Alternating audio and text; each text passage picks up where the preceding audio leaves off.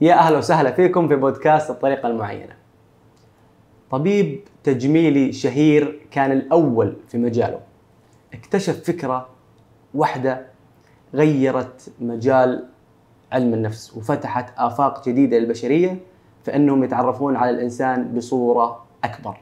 إيش هي هذه الفكرة اللي كرس نفسه هذا الإنسان عشان يوصلها للعالم؟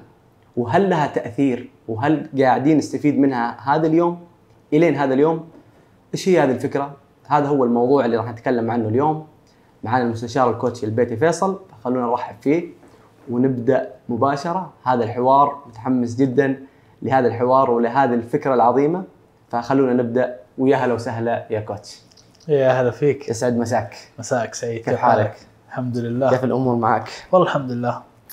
ال- الفكرة هذه حتاخذ آه، أخذت مساحة مرة قوية في التاريخ. ونقلت علم النفس لمكان آخر. نبغى نتعرف على هذه الفكرة ونشوف هذا الطبيب لما اكتشف هذه الفكرة كيف تغير العالم بعد هذه الفكرة؟ الفكرة اللي هي السيلف ايمج الصورة الذاتية. كل إنسان يحمل صورتين داخله. نبغى نعرف القصة هذه بشكل سريع قبل ما نبدأ نتعمق في هذه آه، الصورة الذاتية. طبعا في البداية آه، الفكرة جدا جدا قوية. من الأفكار اللي سألت سؤال مرة مهم. هل هذه الفكرة إلى اليوم باقية؟ قاعدة تعطي فائدة وقاعدة تعطي قيمة قاعد نستفيد منها. طبعا من أكبر الأفكار اللي قاعدة تفيد الإنسان إلى يومك هذا هو فكرة الصورة الذاتية. ماكسويل مالتز زي ما ذكرت في مقدمتك الجميلة هو جراح تجميلي وكان ناجح جدا في المجال هذا. يقول لاحظ إنه الإنسان عنده صورتين. الصورة اللي في المراية والصورة اللي يحملها داخله عن نفسه. يقول أوقات كنت تغير الصورة اللي في المراية بأنه يسوي عملية يعني. والإنسان نفسه هذا تصير شخصيته قوية ويصير واثق من نفسه. أوقات ثانية تسوي عملية من أجمل ما يكون بس يبقى الشخص زي ما كان. فالشيء هذا خلاه يفكر. في البداية كان يقول ممكن عمليتي فيها مشكلة. عرفت كيف؟ بس مع الوقت بدأ يكتشف إنه لا العملية ما فيها مشكلة. بس في شيء داخل الناس قاعد يخليهم راضين أو غير راضين عن نتيجة العملية.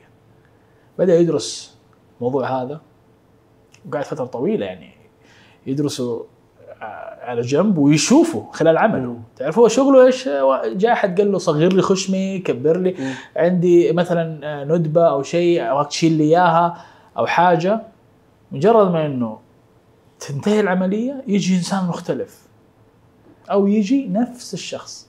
ف بدأ يفكر. إيش إيش الموضوع؟ إيش الموضوع؟ إيش الموضوع؟ اكتشف إنه الإنسان إذا ما غير صورته الذاتية الداخلية ما يهم إيش تسوي من برا. يلبس كويس يغير وجهه إيش إيش ما يصير. إذا الصورة الداخلية ما تغيرت يبقى الإنسان زي ما هو. وهذا الشيء في يعني شيء قبل ما أعرف المعلومة دي في شيء طريف حصل لي أنا شخصيا. لما كان وزني 130 كيلو. دائما أتكلم عن هذا عن هذه التجربة لأنها تجربة قوية أمانة بالنسبة لي. ف أذكر لما نقصت وزني إلى 75 رحت بشتري ملابس جديدة. خلاص كل ملابسي صارت كبيرة علي. فرحت بشتري ملابس جديدة وكنت ألبس 3 X. فرحت اشتريت large. قلت أنا أصلا تعرف يقول لك جسمه مم. عريض عظمة أيوة. عريض الكلام هذا فهمت كيف؟ فقلت خلاص يعني أنا مستحيل إنه فكنت ألبس ال large برضو كبير اكتشفت إنه في وقت من الأوقات أنا كنت أقدر ألبس سمول بس مم. صورتي الذاتية عن نفسي إنه أنا لسه سمين مم. ولسه أحتاج إني أنقص وزني وصلت لذي الدرجه وصلت لدرجة إنه صرت هزيل ولسه أشوف نفسي سمين وفي مرض نفسي اللي هو الانوركسيا ال- يجوك عندهم حاله زايده عن اللزوم. تشوف مفاصلهم تبين فاهم كيف؟ تيجي تقول لك أنا سمين. يقول لك أنا عندي أنا عندي مشكلة. فيقول لك هو مرض نفسي. هو صورة ذاتية. هو يشوف نفسه إنه هو سمين. أنا كنت زي كذا كنت أشوف مثلا في ترهل هنا لسه باقي دهون هنا لسه باقي دهون هنا. فكنت الصورة اللي في عقلي هو ذاك الشخص اللي لسه 130 كيلو. والصورة اللي في المراية كانت ال 75 كيلو. بس اللي كنت أشوفه من ال 75 بس الأجزاء اللي متناغمة مع ال 130 فما كنت عارف متى أوقف. لدرجة إني كنت ما أقدر أجلس في الصلاة. من كثر الألم. ما أعرف من فين جاي الألم هذا بس بعدين اكتشفت إنه عضلاتي قاعدة تتآكل. ف- ف- خلاص ما عاد بقي دهون يعني. تذوب أو تنحرق. فبدا الجسم يأكل نفسه. فرجعت آكل مرة ثانية راح الألم. قعدت شهر كامل ما أقدر أجلس في الصلاة. أوكي. ومحسب إنه طبيعي. فهمت كيف؟ هذه هي خطورة الصورة اللي الإنسان يحملها عن نفسه، ممكن تسوي أشياء تقعد فترة طويلة قاعد تسوي شيء قاعد يضرك. لأنه عندك تصور عن نفسك إنك تحتاجه،. فيوم رجعت آكل طبيعي راح الألم. بس تعرف لما يخلص رمضان كثير من الناس يعرفوا. هذا الشيء يخلص رمضان وتروح ترجع تاكل الاكل اللي أنت متعود عليه قبل رمضان. تحس إنه بطنك صغرت. فتزعل. تقول لا أنا أقدر أكمل الصحن ذا. ليش أنا ما كملته؟ يمكن بعض الناس ما تفهم هذا الشيء. بس, بس أنا كنت أعاني منه كنت أزعل. إنه استرجل. ليش ما تقدر تخلص أكلك؟ وهذا ترى فيها برمجة عجيبة. الاطفال هم صغار. كل خلص أكلك إيه. عشان تصير كبير عشان تصير قوي. فصرنا نفهم إنه إذا خلصنا الأكل معناه إنه إحنا أقوياء. ف- فكنت أزعل إنه ليش ماني قادر أخلص الأكل؟ بس بعد أسبوع أسبوعين ترجع البطن تتعود مرة ثانية. ترجع تاكل بنفس الطريقة القديمة. بعدين يجي الإنسان يقول لك "آه، أنا أزيد بسرعة. أنت ما تزيد بسرعة. أنت لسه قاعد تاكل زي الشخص السمين. جسمك تغير لكن عاداتك ما تغيرت. صورتك عن نفسك ما تغيرت. الملابس اللي تروح تشتريها لسه قاعد تشتري بالمقاس ما تشتري باللي يعجبك. الصورة الداخلية لسه ما الصورة تغيرت ما تغيرت. الآن الشيء الجميل إنه طبعا إذا الحين أنت نقصت وزنك وقعدت فترة طويلة في الوزن الجديد صورتك راح تتغير. لانك خلاص كل يوم تشوف نفسك كل يوم تشوف اللبس اللي تلبسه حيتكرر عليك وراح تتغير الصورة. الصورة ممكن تتبع التغيير الخارجي. مم. بس الشيء الجميل إنه الصورة الداخلية تقدر إنها تسبب التغيير الخارجي. مم. وهذا اللي اكتشفه الدكتور مالتس. كان يشوف إنه بعض الناس لما يسوون عملية تتغير شخصيتهم معناها تغيرت صورتهم الذاتية. بس في ناس لا. واللي ما تتغير صورتهم الذاتية العملية يصير فيها مضاعفات تبدأ تتغير. أوكي. فاهم كيف؟ وفي كثير ناس يسوي عملية مثلا في خشمهم أو. في وجههم يجي بعد فترة تلاقيه إيش؟ العملية أثرها راحت مم. ليش؟ أنت عارف إنه ملامحك قاعد تتغير بشكل مستمر الحين بدون عمليات بدون أي شيء. وجهك يتغير، روح شوف بعض الناس شوف ما تلاقي أوقات يجيك يوريك مثلا صورة كريستيانو رونالدو ويقول لك شوف الفلوس إيش سوت فيه، مم. أو مثلا يوريك آه، أي أحد من المشاهير يقول لك شوف كيف كان وكيف صار، مم. مو الفلوس اللي سوت فيه زي كذا. صورته الذاتية تغيرت وبالتالي جاته فلوس. لما الإنسان يغير صورته الذاتية جسمه يتغير دخله يتغير علاقاته تتغير. عمرك شفت ناس يجوا يعاملوك بطريقة بعد فترة يبدأوا يقولوا لك كلام أنت تكرهه وناس كانوا يعيروك فيه. وتقول كيف عرفوا الكلام هذا؟ كيف عرفوا انه ذي الكلمة تزعلني. وليش قاعدين يمسكوها علي؟ وليش كل الناس يجي يقولوا لي نفس الكلام؟ لأنك شايله معك الصورة الذاتيه حرفيا تحدد إيش يصير حولك إيش الناس كيف الناس تعاملك إيش النتائج اللي تجيك إيش العقبات أو الفرص اللي تيجي في طريقك. بالتالي هذا الكلام جدا مهم. تعرف كيف تغير الصورة هذه تتحكم فيها ترسمها. في مقولة جدا قوية تقول لك نفكر سرا ويظهر أمامنا مباشرة. بيئتنا ما هي إلا مرآتنا الناظرة. البيئة اللي حولك هي اللي أنت هي الصورة اللي أنت شايلها اللي ما تقولها لأحد. تتجسد حوالينك. أنا دائما أقول للناس الناس أول ما تتعرف عليك تعاملك بالطريقة اللي أنت تقول لهم عاملوني فيها. لكن بعد ما يعيشوا معاك يعاملوك بالطريقة اللي أنت تعامل نفسك فيها على صورتك الذاتية مم. فالصورة الذاتية موضوع جدا مهم موضوع مرة كبير وأنا السؤال اللي يجيك الحين طالما هي صورتين مين يتغير الثانية؟ هل هي الصورة الداخلية تغير اللي برا؟ ولا اللي برا تغير الصورة الداخلية مين اللي غير الثاني بالضبط؟ أوكي تعرف آه هذا هذا الموضوع يعني زي يوم يجي أحد يقول إيش جاء أول البيضه ولا الدجاجه؟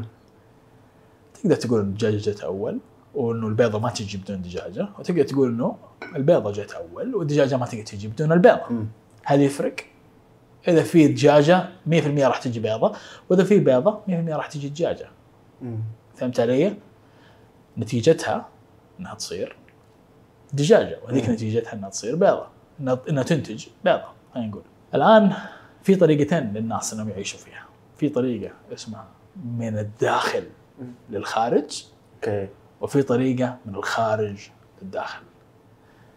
99% من الناس عايشين من الخارج للداخل وهذه الحياة ضيقة جدا. بمعنى انه الصورة اللي برا مو بس الصورة اللي برا. أي شيء يحصل برا يتحكم, يتحكم. يتحكم. بإيش في جوا. جاء أحد قال لك إيش الحبة ذي اللي في وجهك تركز فيها كل شوي تروح المراية وتكبر الحبة صح طالع فيها وعندي مناسبة آه. وش فهمت. كيف؟ أيوه أيوه يجي أحد يقول لك إيش اللبس هذا؟ تبدأ كل لبسك يطلع فيه له مشكلة، مم. يطلع فيه بقع، تقول ما أبغى أبقع أو شيء زي كذا تتبقع ملابسك فاهم علي؟ مثلا تشوف رصيدك في البنك مو عاجبك. تبدا تقول أنا ما عندي فلوس تبدا فعليا فلوس لك ما تجيك مم. تتأخر عنك أو تجيك وتنسرق فالاشياء اللي برا ممكن تغير الصورة الداخلية لأنها تتكرر عليك وتأكد. عليك إنك فاشل أو إنك مفلس أو إنك مطفر أو إنك سمين أو إنك ما تعرف تلبس قاعدة تتكرر فتبني صورة ذاتية. والصورة الذاتية ذي راح تحرص إنه التصرفات حقك تجيب ذي الأشياء مرة ثانية. مم. الآن العكس صحيح وهذا اللي أغلب الناس ما يعرفوه. إذا غيرت الصورة اللي جوا العالم برا يبدأ يتغير. ها؟ يتغير. كيف؟ سحر هو؟ لا مو سحر. قوانين. رالف والدو أمرسون سماه قانون القوانين. السبب والنتيجة. Cause and effect. الآن أي شيء أنت تسويه هو سبب. قاعد يبث للكون. النتيجة تجي لما السبب هذا يروح يكون فعل يكون اكشن يروح كاكشن الكون يرد عليه. الكون كله هذا مسخر لك. منتظرك بس منتظر إشارة منك. فاللي ترسله في له ردة فعل مباشرة تجي. التقاء الفعل مع ردة الفعل ينتج النتيجة. هذا قانون في الفيزياء قانون في الإنسان نفسه. قانون كوني. فإذا أنت في عندك أفكار في عقلك قاعد تتحكم في مشاعرك وبالتالي تترجم على شكل تصرفات معينة منك هذه التصرفات هي أسباب ترسل للكون. الكون إيش يضم إيش يشمل؟ يشمل الجمادات يشمل ال- الناس يشمل الفرص يشمل الأشياء المرئية والغير مرئية. كل شيء حولك. عشان كذا إحنا نقول العالم يتآمر من أجلك. تيجي تلقى شخص يجي يقول أنت فينك من زمان تلقى فرصة جات مفصلة عليك. تلقى إنسان أنت كنت تقول في زيه معقول يكون في زي هذا الإنسان في العالم ولا هو خيالي؟ يظهروا كلهم. أو كل شيء يخرب. يعتمد إيش أنت قاعد ترسل. وصورتك الذاتية تتحكم تماما في أنت إيش قاعد ترسل. إذا صورتك الذاتية منخفضة فأنت قاعد ترسل ذبذبات منخفضة أفكار منخفضة تصرفات منخفضة ويجيك ردود أفعال منخفضة ضد اللي أنت تبغاه. لكن إذا صورتك عالية تردداتك عالية تصرفاتك عالية راح تجيك ردود أفعال عالية. عشان كذا يجيك ناس إنت تكون مثلا محافظ على صورة معينة قدامهم من برا. بس مم. تغير شكلك من برا. فاهم كيف؟ بس يقدروا يحسوا إيش في جوا. لأنه قاعد يبث بشكل أوتوماتيكي ما تتحكم في البث أنت أنت بس تتحكم في الأفكار الأفكار تغير الذبذبات وتغير نوعية البث اللي قاعد يطلع منك الناس تقرأ الأفكار ترى بس ما تقدر تعرف إيش تقول. أنت بس تحس الطاقه حق الإنسان خلينا نقول النفسية حق الإنسان الروح المعنوية حق الإنسان تقدر تحسها تجي تتكلم مع أحد تقول له أنت زعلان اليوم يقول لك لا أنا ماني زعلان ويبتسم بس. تقول لا لا فيك شيء بكيفك لا تقول والعكس برضه. حتى لو لقيت واحد يعني زعلان آه عفوا مبسوط يا أخي مبسوط إيش بك رايق اليوم؟ إيش فيك رايق اليوم؟ إيش أمورك؟ كيف أمورك؟ أمورك حتى بدون ما يتكلم بالضبط ويستغرب يقول أيوه. هذا كأنه عارف إن أنا مبسوط اليوم أوكي ما تقدر تخبي ذي الأشياء كل. كل فكرة تدخل داخلك لها تأثير. خصوصا الأفكار اللي تأجج المشاعر. خوف أو رغبة. الحين أي شيء يأجج الخوف هذا اعرف إنك ماشي في الط- في الها... طريق الهاوية. وأي شيء قاعد يأجج الرغبة اعرف إنك قاعد تمشي في طريق النمو. صورتك الذاتية من جوا هل هي شيء يخليك تفخر بنفسك؟ أو هي شيء قاعد تخبيه عن الناس شيء ما تبغاهم يعرفوا عنه شيء إذا عرفوه عنك راح يمسكوه عليك مم. كثير من الناس ماشيين ما أبغى أحد يعرف عني ذي الكلمة تزعلني ما أبغى أحد يعرف عني إنه ذا الشيء مثلا عندي نقص فيه أو أو أو أو أو, أو وفجأة كل الناس تجيهم تعيرهم في الأشياء هذه اللي مرة مخبينها بقوة فاهم علي؟ مم. ونفس الشيء إنسان يقول أنا الناس تحترمني، أنا الناس تعاملني كذا، أنا الناس تشوفني كذا، أصحابه يضحكوا عليه يطقطقوا عليه. بس في النهاية يبدوا الناس يعاملوه زي كذا. ومن ضمنهم اصحابه ذول اللي كانوا يطقطقوا عليه. زي آه، صاحب المطعم الشهير اللي جو يسوي معاه مقابلة ويقولوا له متى حسيت إنك ناجح؟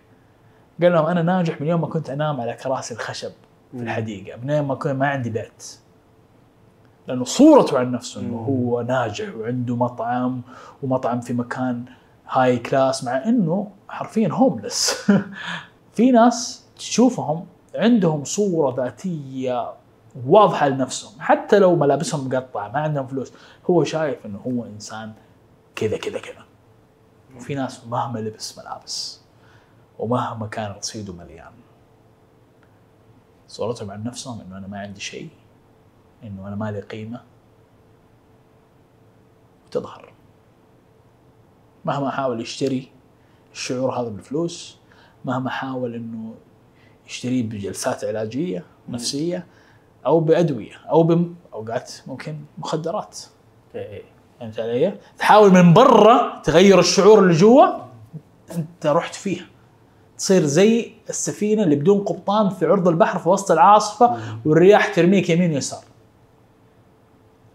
بس يوم تكون عندك صورة ذاتية واضحة الرياح ماشية في الطريق اللي انت تبغاه. مشمس الجو البحر هادي وتوصل في نص الوقت. وهذا هو اللي كنت بسأل عنه. قل لي. كيف أقيس الصورة عندي؟ هل أنا صورتي واضحة okay. واضحة كويسة مو كويسة؟ كيف okay. أقيس هذا الشيء؟ آه، okay okay. شوف سؤالك الأول حلو سؤالك الثاني مو حلو. okay. لما تيجي تقول إنه هل صورتي الذاتية واضحة أو مو واضحة؟ مرة حلو السؤال. لأنه في بداية بداية تغيير لكن تقول كويسة ولا مو كويسة هنا في مشكلة لانك كأنك تيجي تقول إنه في شيء صح وفي شيء خطأ. في النهاية الصح هو اللي يخدمك واللي أنت تختاره والخطأ هو اللي ما يخدمك واللي أنت ما تبغاه. هيجيني أحد الحين يقول لي طيب يعني إذا أنا باخذ مكان أحد أو فلوس أحد هل هذا صح؟ عشان أنا قلت لا بقول له أنت جاهل كذا. الصح مو إنك تضر أحد ثاني عشان تأخذ الشيء هذا الشيء ما يخدمك أصلا لما تيجي تضر أحد ثاني عشان تحصل على شيء أنت ما خدمت نفسك أنت ضريت نفسك لأنه سبب ونتيجة. لما تيجي تقول أنا ما أقدر أخذ فلوس إلا لما أسرق من فلان أو أخدع فلان انت قاعد ترسل ذبذبات منخفضة. فحيجيك العسكري ويوديك السجن. فاهم كيف؟ السجون مليانة من الناس اللي زي كذا اللي يبغوا يخدموا أنفسهم لكن بجهل. إيش يقول نابليون هيل؟ يقول الشخص المتعلم والمثقف هو ليس الشخص اللي عنده شهادات واللي قري كتب كثير. الشخص المثقف الحقيقي هو الشخص اللي يقدر يحصل على أي شيء يبغاه. بدون ما يتعدى حدود الآخرين. فأنت تقدر تحصل على أي شيء تبغاه بدون ما تتعدى حدود الآخرين. إذا ما في بالك طريقة تخليك تاخذ الشيء اللي أنت تبغاه إلا عن طريق إنك تتعدى حدود الآخرين فأنت جاهل ولست متعلم. روح تعلم راح تلاقي طريقة. أذكر كنت أتكلم مع واحد قبل فترة وجاء قال لي يا أخي الناس ما هي ما هي واضحة وما هي صادقة. قلت له طيب عادي بس مو معناه أنها سيئة. قال لي أيوه أتفق معك مو معناه أنهم سيئين. لكن ما هم واضحين. فأي شيء يقول لك يا لا تصدقه. قلت له ما يحتاج أصلا إني أصدق اللي قالوا أو ما أصدقه. أنا أقدر أقرأ الإنسان نفسه. أنت الحين لما تقابل أحد ترتاح له صح؟ مم. ولما تقابل أحد مرة ثانية ما ما ترتاح له. هذا حدس. يقول لي بس ما هو دائما يصيب ولا لأنك ما أنت مطوره. مم. عشان كذا مو دائما يصيب ولا يخيب. زي الشخص اللي يبغى يسجل هدف زي كريستيانو رونالدو من أول كيف؟ آه، رونالدو كم قاعد يشوت؟ إلى ما صار يجيبها في 90 مم. سنوات. تجي أنت تقول أنا شفته مرة واحدة بسوي زيه يلا. لا روح اتمرن زيه. صح تسويها في وقت أقل لأنه عندك reference هو ما كان عنده reference مرجع. ما عنده مرجع يرجع له. عشان كذا القادة موجودين عشان تتبعهم. بتكون تابع ذكي. تروح تشوف لك قائد سوى شيء أنت تبغاه وتتبعه. مم. بس إذا الشيء اللي أنت تبغاه ما حد قد سواه هنا أنت لازم تبدأ تصير قائد نفسك في ذا الشيء. تحتاج صورة ذاتية مرة عالية عشان تصير قائد لنفسك أغلب الناس يلعبوا لعبة خاسرة اتبع التابع يشوف صاحبه إيش قاعد يسوي يروح يسوي زيه. يشوف آه، أخوانه أقربائه إيش قاعدين يسووا الناس اللي حواليه زملائه في العمل ويسوي زيهم ما في أحد قاعد يقول أنا إيش أبغى مم. كل الناس يدوروا إيش الصح إيش الغلط. دي السيارة حلوة لأنه خراباتها قليل بس دي السيارة حلوة عشان شكلها حلو. طب مم. إيش رأيك آخذ ذي ولا آخذ ذي؟ ولا آخذ ذي ولا آخذ ذي؟ ولا أسوي ذا ولا أسوي ذا؟ ولا أروح الجامعة ذي ولا أروح الجامعة ذي؟ ولا أتخصص هنا ولا أتخصص هناك؟ ما في تصور عن النفس. كل واحد خايف إنه يغلط فيروح يسأل الناس إيش رأيكم إيش أسوي إيش رأيكم إيش أسوي؟ وهذا هو وضوح الصورة وعدم وضوحها؟ مو كذا. الحين إحنا إيش قلنا؟ قلنا الصورة الذاتية لازم تكون واضحة. بس في نفس الوقت كيف حقدر أجيب صورة كويسة عشان تصير واضحة. اختارها روح جيب ورقة اكتب الصورة اللي أنت تبغاها بالضبط. بالضبط. اكتب اللي أنت تبغاه اختار اللي أنت تحط الستاندردز حقك. كيف تبغى تلبس؟ ممكن تروح تشوف أحد أنت معجب بلبسه وتقول أنا ألبس كذا. حلل لبسه. كذا أنت صرت تابع ذكي لشخص أنت. تقول إنه لبسه كويس. مثلا ما في أحد. أنت وصلت لمرحلة زي النجوم الحين. النجوم تروح تشوفهم في الحفلات يلبسوا أشياء غريبة. مم. بعد تصير ترند. ليش؟ لأنهم قادة في هذا المجال. الناس تروح تشوفهم إيش لابسين ويلبسوا زيهم. يشوفوا كيف حالقين ويحلقوا زيهم. يشوفوا إيش ياكلوا وياكلوا زيهم. عرفت كيف؟ فالفكرة إنه شوف شيء أنت يعجبك. وسويه الآن طب إذا أنا أبغى أسوي قصة جديدة سوي بس ما حتكون حلوة من أول مرة. مم. لأنك لسه ما أنت خبير. زي الشخص اللي بي shoot زي كريستيانو من أول مرة. فالأسهل دائما إنك تشوف شخص أنت معجب فيه. تشوف إنه إنسان كويس. وتأخذ صورته هذه. وارن بافيت كان يقولها لخريجين هارفرد. يقول لهم أنا يوم بديت كان في عندي شخص في عقلي هذا الشخص كنت معجب فيه جدا. وقال اسمه بس ناسي إيش اسمه أمانة. وكنت معجب فيه جدا. بس في صفات ما هي عجبتني فيه. مم. فكنت أقول خلاص هذه صفاته الحلوة وصفاته اللي ما عجبتني طلعتها من الصورة. بعدين لما أشوف أحد ثاني يعجبني كنت آخذ صفاته الحلوة وأحطها في ذا الشخص. فاكتشفت إني قاعد ألفق شخص جديد. فقلت ليش ما أنا أحط الصفات دي على نفسي. فاستبدل الشخص ده وحط نفسه. وصار يحط الصفات حقت الشخص ده والأشخاص على نفسه. وصار هذا الشخص. وارن بافيت جرب. وآلاف الناجحين. سووا نفس الأسلوب هذا. بدون ما يعرفوا إيش اسمه بدون ما يعرفوا هذه صوره ذاتيه مم. أنا نفس الشيء.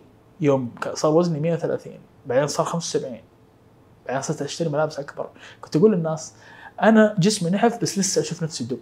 في عقلي. عرفت؟ فبديت أغير الصورة الذاتية الخارجية. وعلى فكرة ساعدت ناس كثير. كنت أقول لهم كان في في سيدة أعرفها قالت لي أنا لي سبع سنوات. أحاول أنقص وزني وماني قادرة. سوت تكميم ما في فايدة. وزنها يزيد.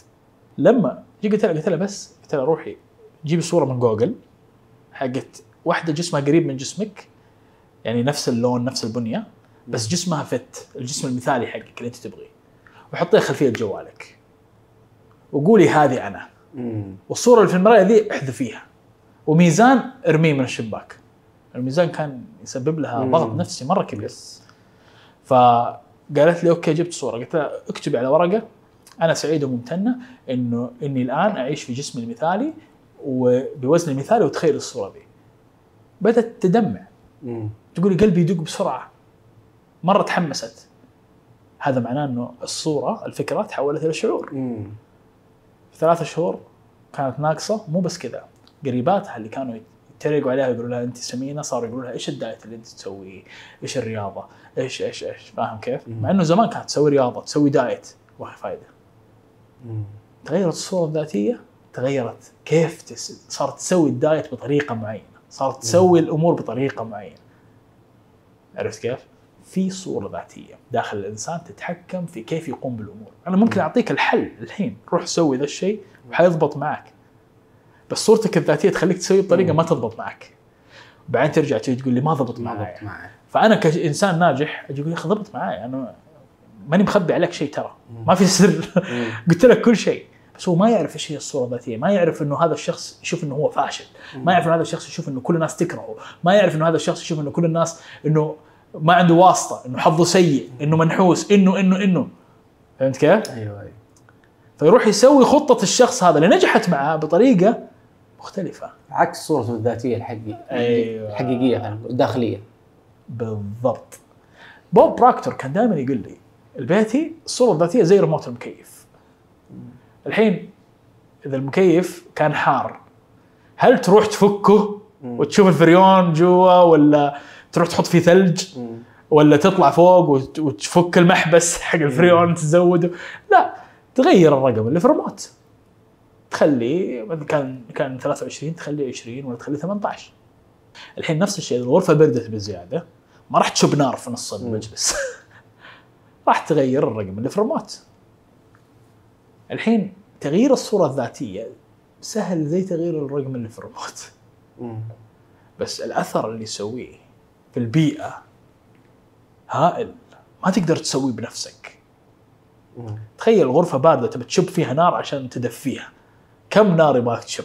وكم يبغى لك جهد عشان تحافظ على النار دي شغالة وتحرص إنه كل مكان يكون بنفس درجة الحرارة. ما تقدر. حتى لو شبيت نار في نص الغرفة راح يصير بس مكان النار هو الدافي وفي أركان الغرفة لسه بارد.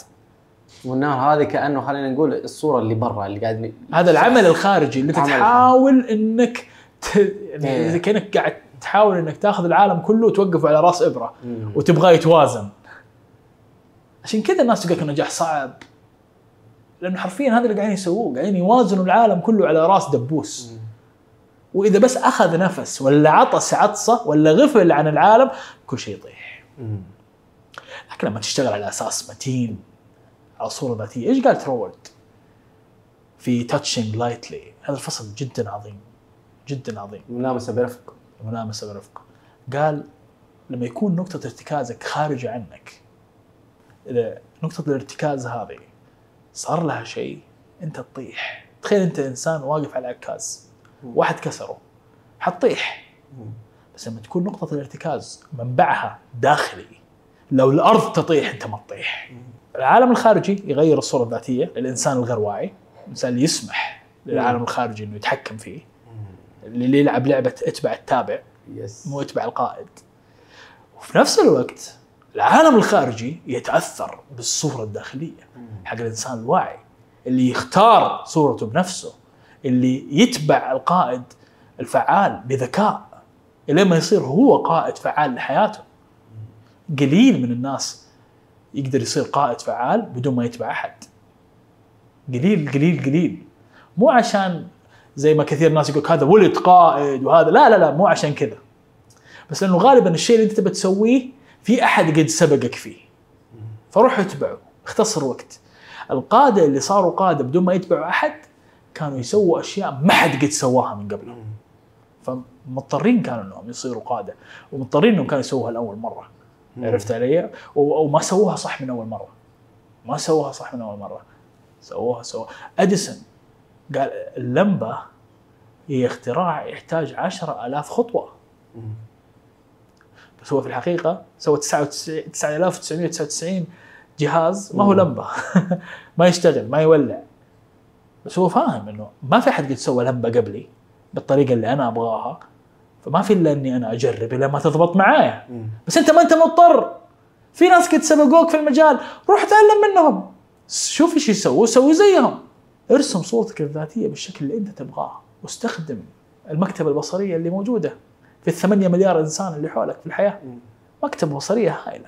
في في ناس سووا كل شيء أنت تبغى تسويه في ناس تلبس كويس في ناس تتكلم كويس في ناس صوتها جهوري في ناس عندها إلقاء على المسرح. في ناس عندها مهارة يدوية في ناس عندها مهارة تقنية في ناس عندها أسلوب في التحدث. روح شوف إنسان وشوف مجموعة من الناس اكتب 12 اسم حق أشخاص عجبتك شخصيتهم عجبك أسلوبهم عجبك لبسهم عجبك إيش يسوون واكتب الصفات اللي عجبتك فيهم.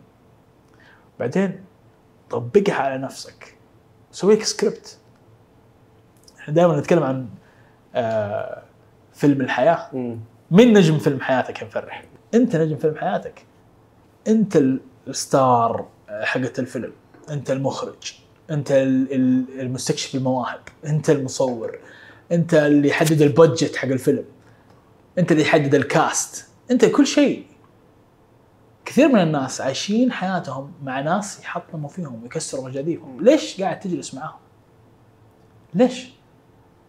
روح شوف أحد يشوف ال- ال- القوة اللي فيك شوف يشوف الخير اللي فيك شوف الإبداع اللي فيك يس وهذا الشيء ما راح يصير إذا ما غيرت صورتك الذاتية، إذا ما رفعت صورتك الذاتية وصرت تشوف نفسك إنك إنسان كفؤ وتستاهل وقادر على العظمة، قادر على الإبداع. أنت إنسان في النهاية. yes الحين خلينا نقول بكتب السكريبت هذا بكتب النص بطلع كل الصفات الخطوه رقم اثنين عيشها. مرة ممتاز مرة ممتاز الحين هنا في يجيك السؤال اللي مرة مهم okay. يقول لك أنا في واقع ما يسمح لي ابدا أوصل لهذاك الإنسان أو ألبس مثل هذاك الإنسان أو okay.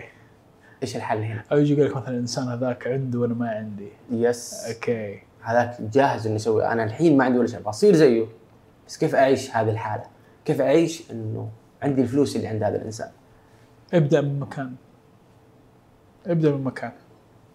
إذا أنت مثلا شايف نفسك عايش في قصر وعندك خدم وحشم وسواقين اركب أوبر مرة. فاهم كيف؟ سوي نفسك إنك راكب مع السواق حقك. امم جيب شغالة مرة كل ثلاث شهور. تنظف لك البيت. فاهم؟ ابدأ من مكان. إيش يقول جورج برنارد شو؟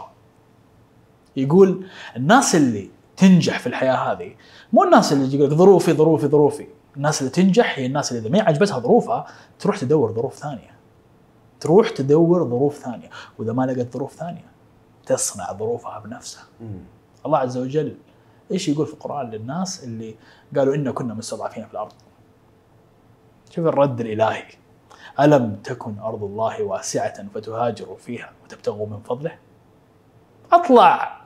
بيئتك معفنة؟ أطلع. حتلاقي ناس نظيفة حتلاقي فرص نظيفة حتلاقي أشياء حلوة. اخرج من المكان اللي أنت فيه. صدقني أنت في أذكر مرة كنت أتكلم مع واحدة من آه من بلد معين وقالت لي أنت ما تعرف بلدنا إحنا آه، حالتنا صعبة وما عندنا فلوس والوضع صعب. قلت لها كم في في بلدكم سكان؟ قالت لي 40 مليون. قلت لها تعرفيهم كلهم؟ ضحكت. قالت لي لا قلت لها تعرفي 50 ألف منهم؟ قالت لي ولا أعرف خمسة. قلت لها طب على أي أساس تقولي بلدنا مساكين؟ أنت تعرفي خمسة أشخاص؟ هذول الخمسة مساكين اللي أنت تعرفيهم. بس ال 40 مليون هذول ما فيهم ولا واحد ثري قال لي لا عندنا اثرياء قلت قلت طيب. قالت لي بس ما أعرفهم أنا. قلت روح اتعرف عليهم. مو معنى إنه تروح تشحتهم تقول لهم اعطيني فلوس. لا بس روح تعرف عليهم يا أخي. روح. شوفهم في التلفزيون. إذا ما تقدر توصل لهم يا أخي شوف المتاح لك. وابدا سويه إيش يقول آه، والز دي واتلز يقول العطاء والأخذ وجهان لعملة واحدة. وكثير ناس اتفقوا على هذه العبارة. روح أعطي وحيجيك. مو لأنك تبغى تأخذ. اعطي لأنك تبغى تعطي وخذ لأنك تستحق. فيجي أحد يقول طب أنا ما عندي عشان أعطي؟ يقول أنت جاهل. ما تعرف إيش في عندك. عندك علم؟ روح أعطي العلم اللي عندك. عندك نصيحة؟ روح أعطيها. أعطي وابذخ في العطاء أعطي من قلب بدون ما تنتظر مقابل.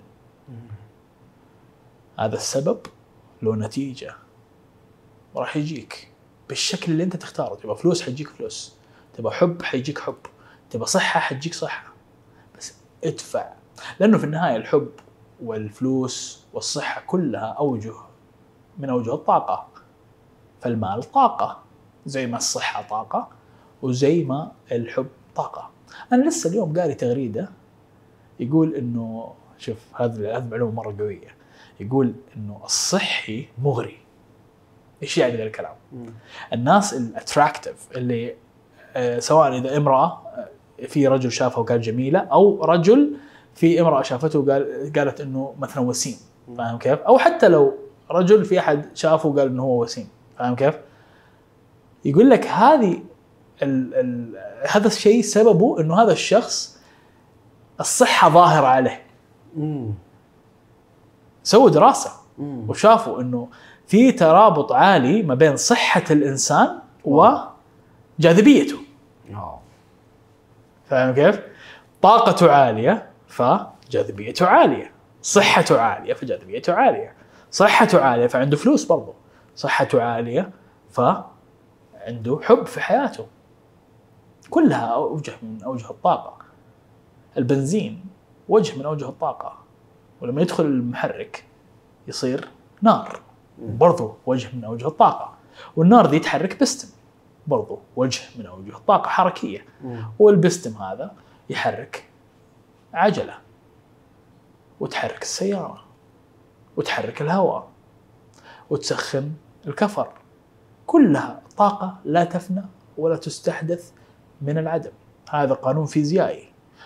وفي القوانين الكونية الطاقة دائما تدخل إلى التشكيل تخرج من التشكيل وتعود إلى التشكيل.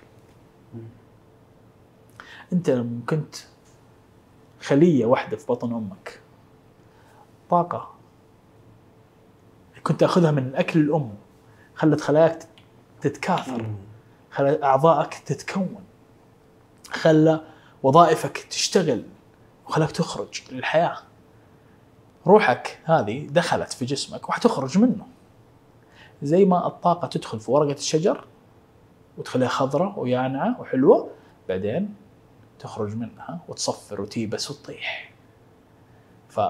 فانت كإنسان عندك القدره على التلاعب بهذه الطاقة. عندك قدرة هائلة على التلاعب بهذه الطاقة. بذرة التفاح. إذا حطيتها وسط كيس بذور برتقال فيه عشر ألاف بذرة وخليتها عشر سنين ورحت زرعت الكيس كامل تطلع لك عشرة ألاف شجرة برتقال وشجرة تفاح. واحدة. ما حتيجي شجرة التفاح تقول آه أنا والله قعدت مع البرتقال عشر سنين فأنا الحين برتقالة مم. صح؟ لأنه غير قادرة أنها تغير صورتها الذاتية غير مم. قادرة أنها تغير برمجتها أنت يا إنسان تقدر تغير صورتك الذاتية بس للأسف ما حد يعلمنا كيف في النهاية يطلع لك شجرة نصها رمان نصها برتقال نصها تفاح ما تثمر. حالتها حالة مشوهة وتقول أنا ليش كذا حدد صورة لنفسك قول أنت إيش تبغى تكون وشوف شجرتك كيف حتكون. أنت مو بذرة تفاح. أنت إنسان. تقدر تصير أي شيء تبغاه. أي شيء تبغاه. حرفيا. أي شيء تبغاه. يا رجل دائما يعني من الأمثلة اللي دائما أجيبها يعني في ناس يعني الله يهديهم ويشفيهم. اللي يعني يقول لك يبغى يحول جنسه مثلا. فاهم كيف؟ يا رجل المرأة تصير رجل ما تعرف إنها كانت مرأة والرجل يصير مرأة ما تعرف إنه كان رجل. إذا هذول قدروا يسووا ذا التغيير.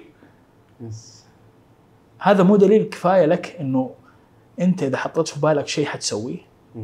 هذول طبعا الناس ضايعين وأنا حزين عليهم جدا قاعدين يعانوا والمعاناة سبب من أسباب الحياة زي ما ندرس بس في سبب ثاني للحياة في سببين في الحقيقة الحب والإنجاز. وأنا أشوفهم إنهم كلهم نفس الشيء المعاناة والإنجاز والحب نفس الشيء بس على ترددات مختلفة. الإنجاز تردداته عالية جدا لأنه نقطة الارتكاز في نفسك. الحب تردداته تعتمد على الشخص اللي تحبه أو على الشيء اللي تحبه. فأنت هنا تأخذ القوة من نفسك وتعطيها لشيء خارج من نفسك. والله أعطاك القوة دي لك. عرفت كيف؟ عشان كذا اللي يحب شخص الحب المرضي الشخص ذا ما يقدر يحبه. فهمت كيف؟ ويتجه للمعاناة. يطيح في المعاناة. فهم نفس الشيء بس الترددات مختلفة. زي ما الثلج هو موية بس في ترددات منخفضة والموية هي ثلج بس في ترددات أعلى. والبخار هو موية بس في ترددات أعلى وأعلى وأعلى. وكل واحد فيهم له وظيفة مختلفة. فنفس الشيء المعاناة هي حياة. بس على تردد منخفض. الحب برضه حياة. تردد أعلى من المعاناة. والإنجاز حياة. بس تردد أعلى وأعلى وأعلى. عشان كذا الناس الناجحين عندهم الحب وعندهم الصحة وعندهم الفلوس. لأنهم في أعلى ذبذباتهم. الآن مو كل الناس تعرف تتحكم في ذبذباتها أو تخليها فوق بوقت كافي. عشان كذا تلاقي ناس تتبع هدف بعدين بعد ما توصل تقول طب والحين إيش؟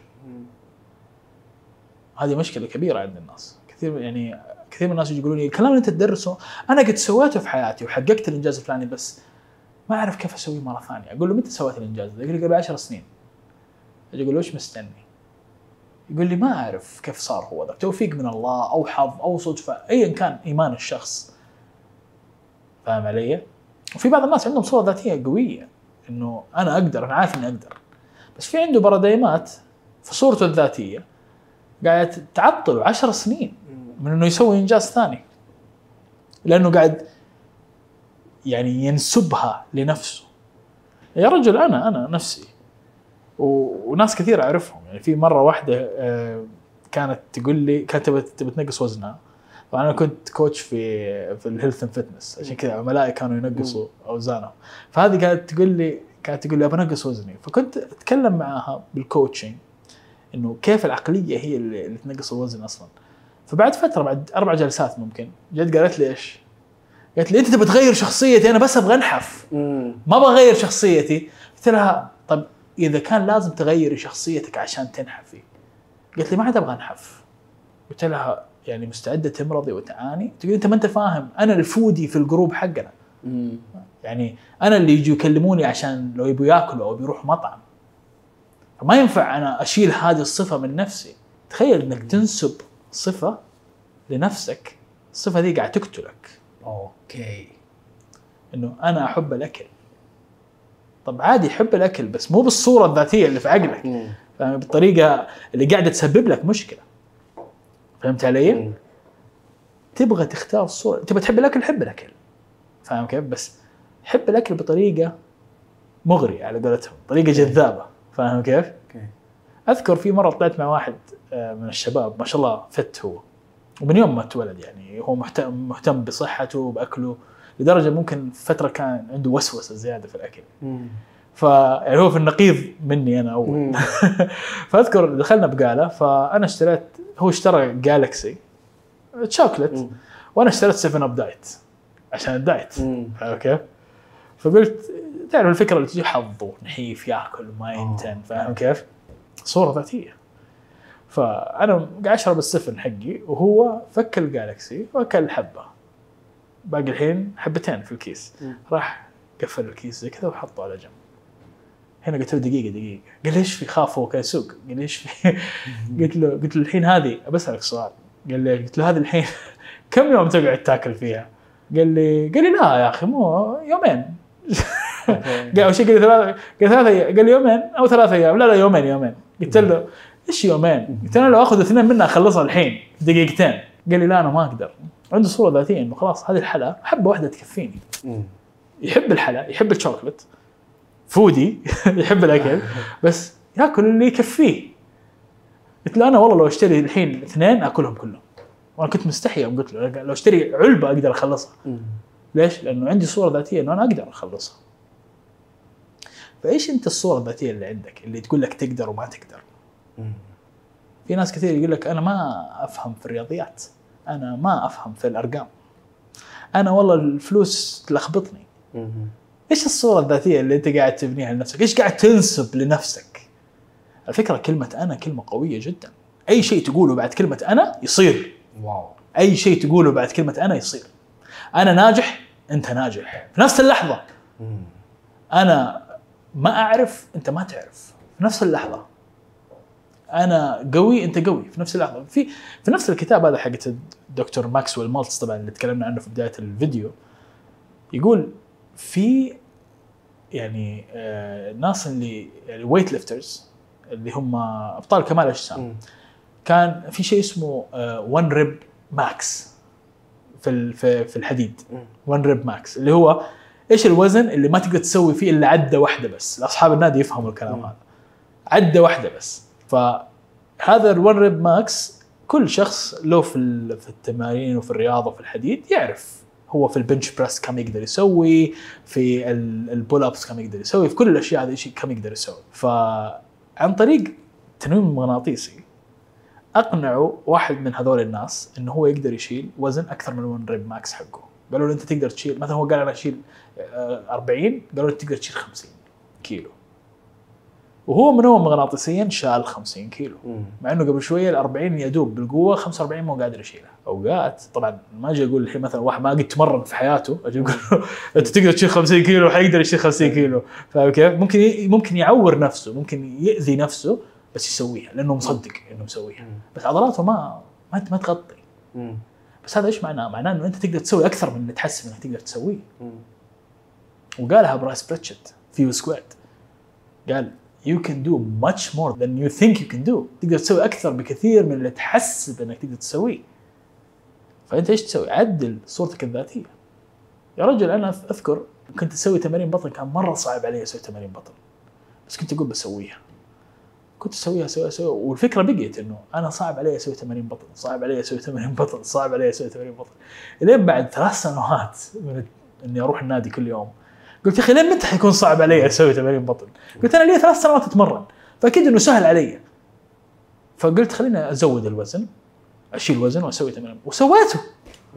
مع إني كنت أشوفه صعب بس هل جسمك أوقات يتطور وأنت لسه محسب إنك في المرحلة اللي تحت أوكي بسبب الصورة الذاتية هذه هل هل هل الإنجاز هو أسرع شيء يرفع الصورة الذاتية؟ دخلك أوقات المفروض يكون أعلى بكثير من اللي تأخذه. مم. بس لأنه صورتك الذاتية محدودة تجاه المال تبقى تأخذ نفس الدخل أوكي. اللي أقل من عشان كده تلاقي ناس كثير حانقين يجي يقول لك أنا أستاهل أكثر أستاهل إنهم يرقوني أستاهل مكافأة. بس ما حد قاعد يعطيني. أنت قاعد تمنع عن نفسك المكافأة والدخل الزايد والأشياء هذه كلها. لأن صورتك الذاتية عن نفسك إنه أنا ما أستاهل فلوس أكثر.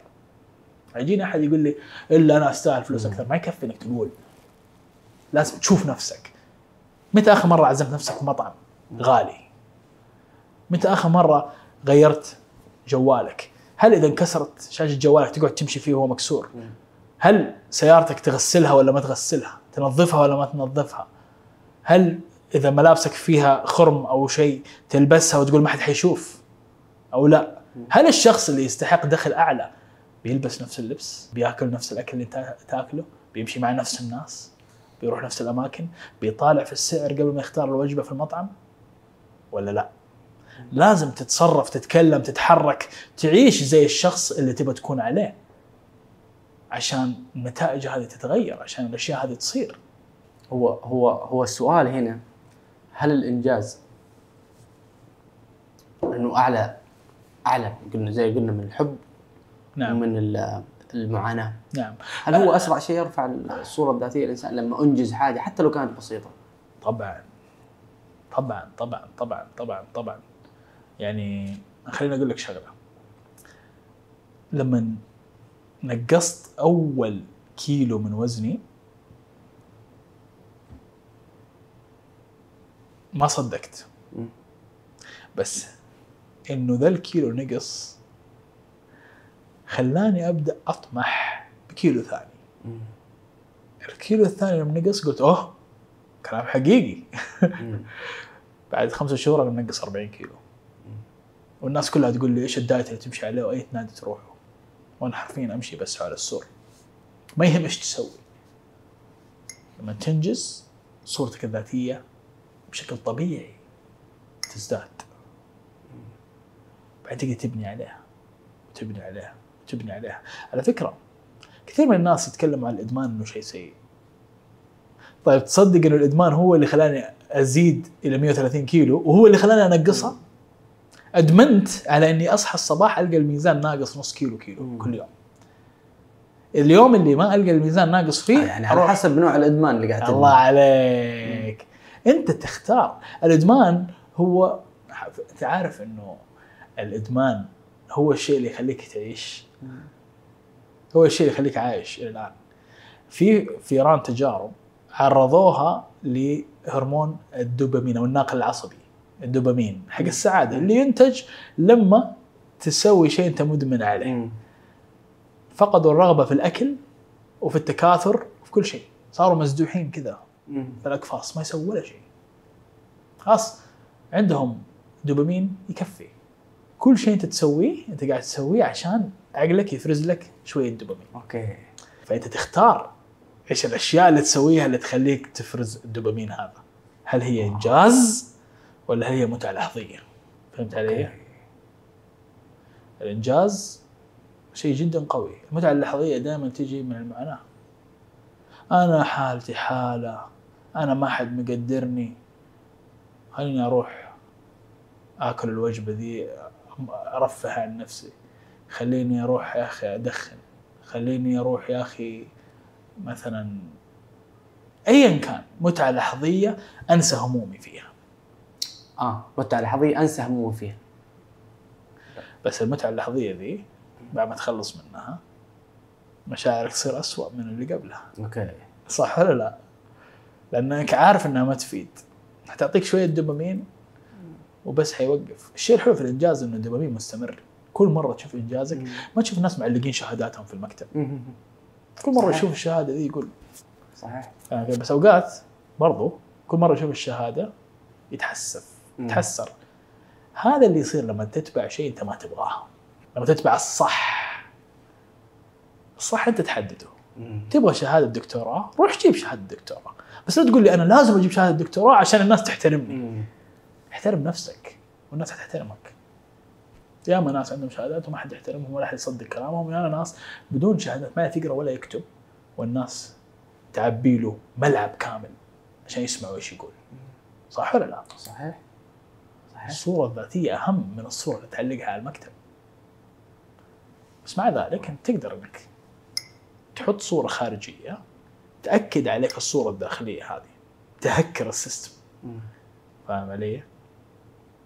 هذا يسموه فيجن بورد يسموها آه، إيش فيلم هو هو الحياة أشياء زي كذا أوكي هذه ال vision board مثلا أو فيلم الحياة أهم شيء فيه إنه يكون يحرك مشاعر يثير المشاعر طبعا وغير طبعا ليش مهم إنه يحرك المشاعر؟ لأنه لما يحرك المشاعر حيحركك مم. بس شيء يحرك المشاعر وأنت جالس لي على يدك.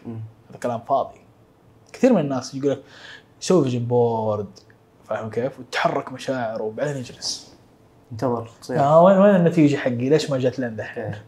أوكي. لو في سمسه للنتائج بيدق عليهم كل يوم وين نتيجتي؟ وين نتيجتي؟ وين نتيجتي؟ وين نتيجتي؟ فاهم كيف؟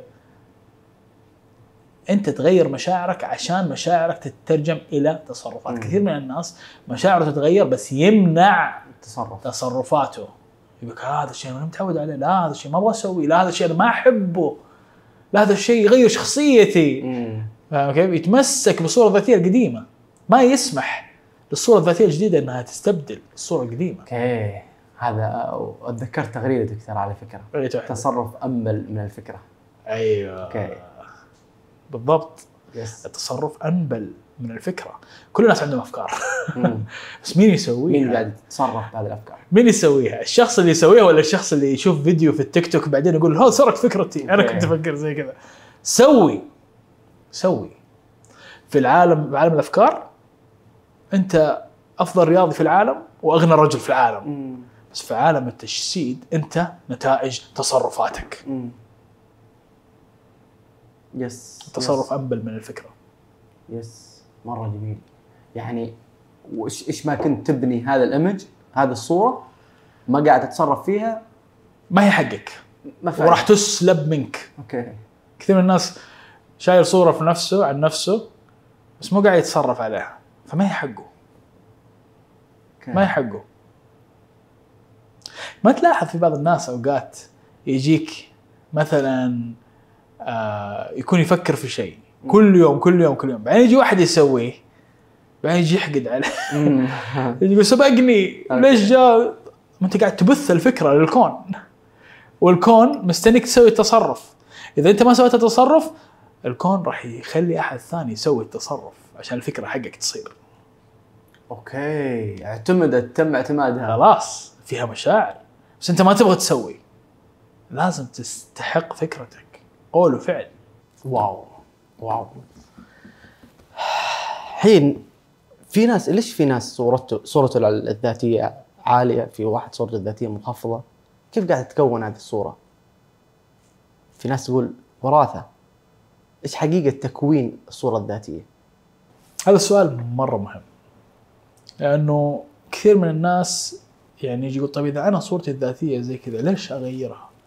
في بعضهم يجي يقول وأنا منهم أمانة كنت يعني إنه إذا أنا شخصيتي زي كذا ليش لازم أغير شخصيتي عشان أنجح؟ مم. في ناس ما يحتاجوا يغيروا شخصيتهم وناجحين.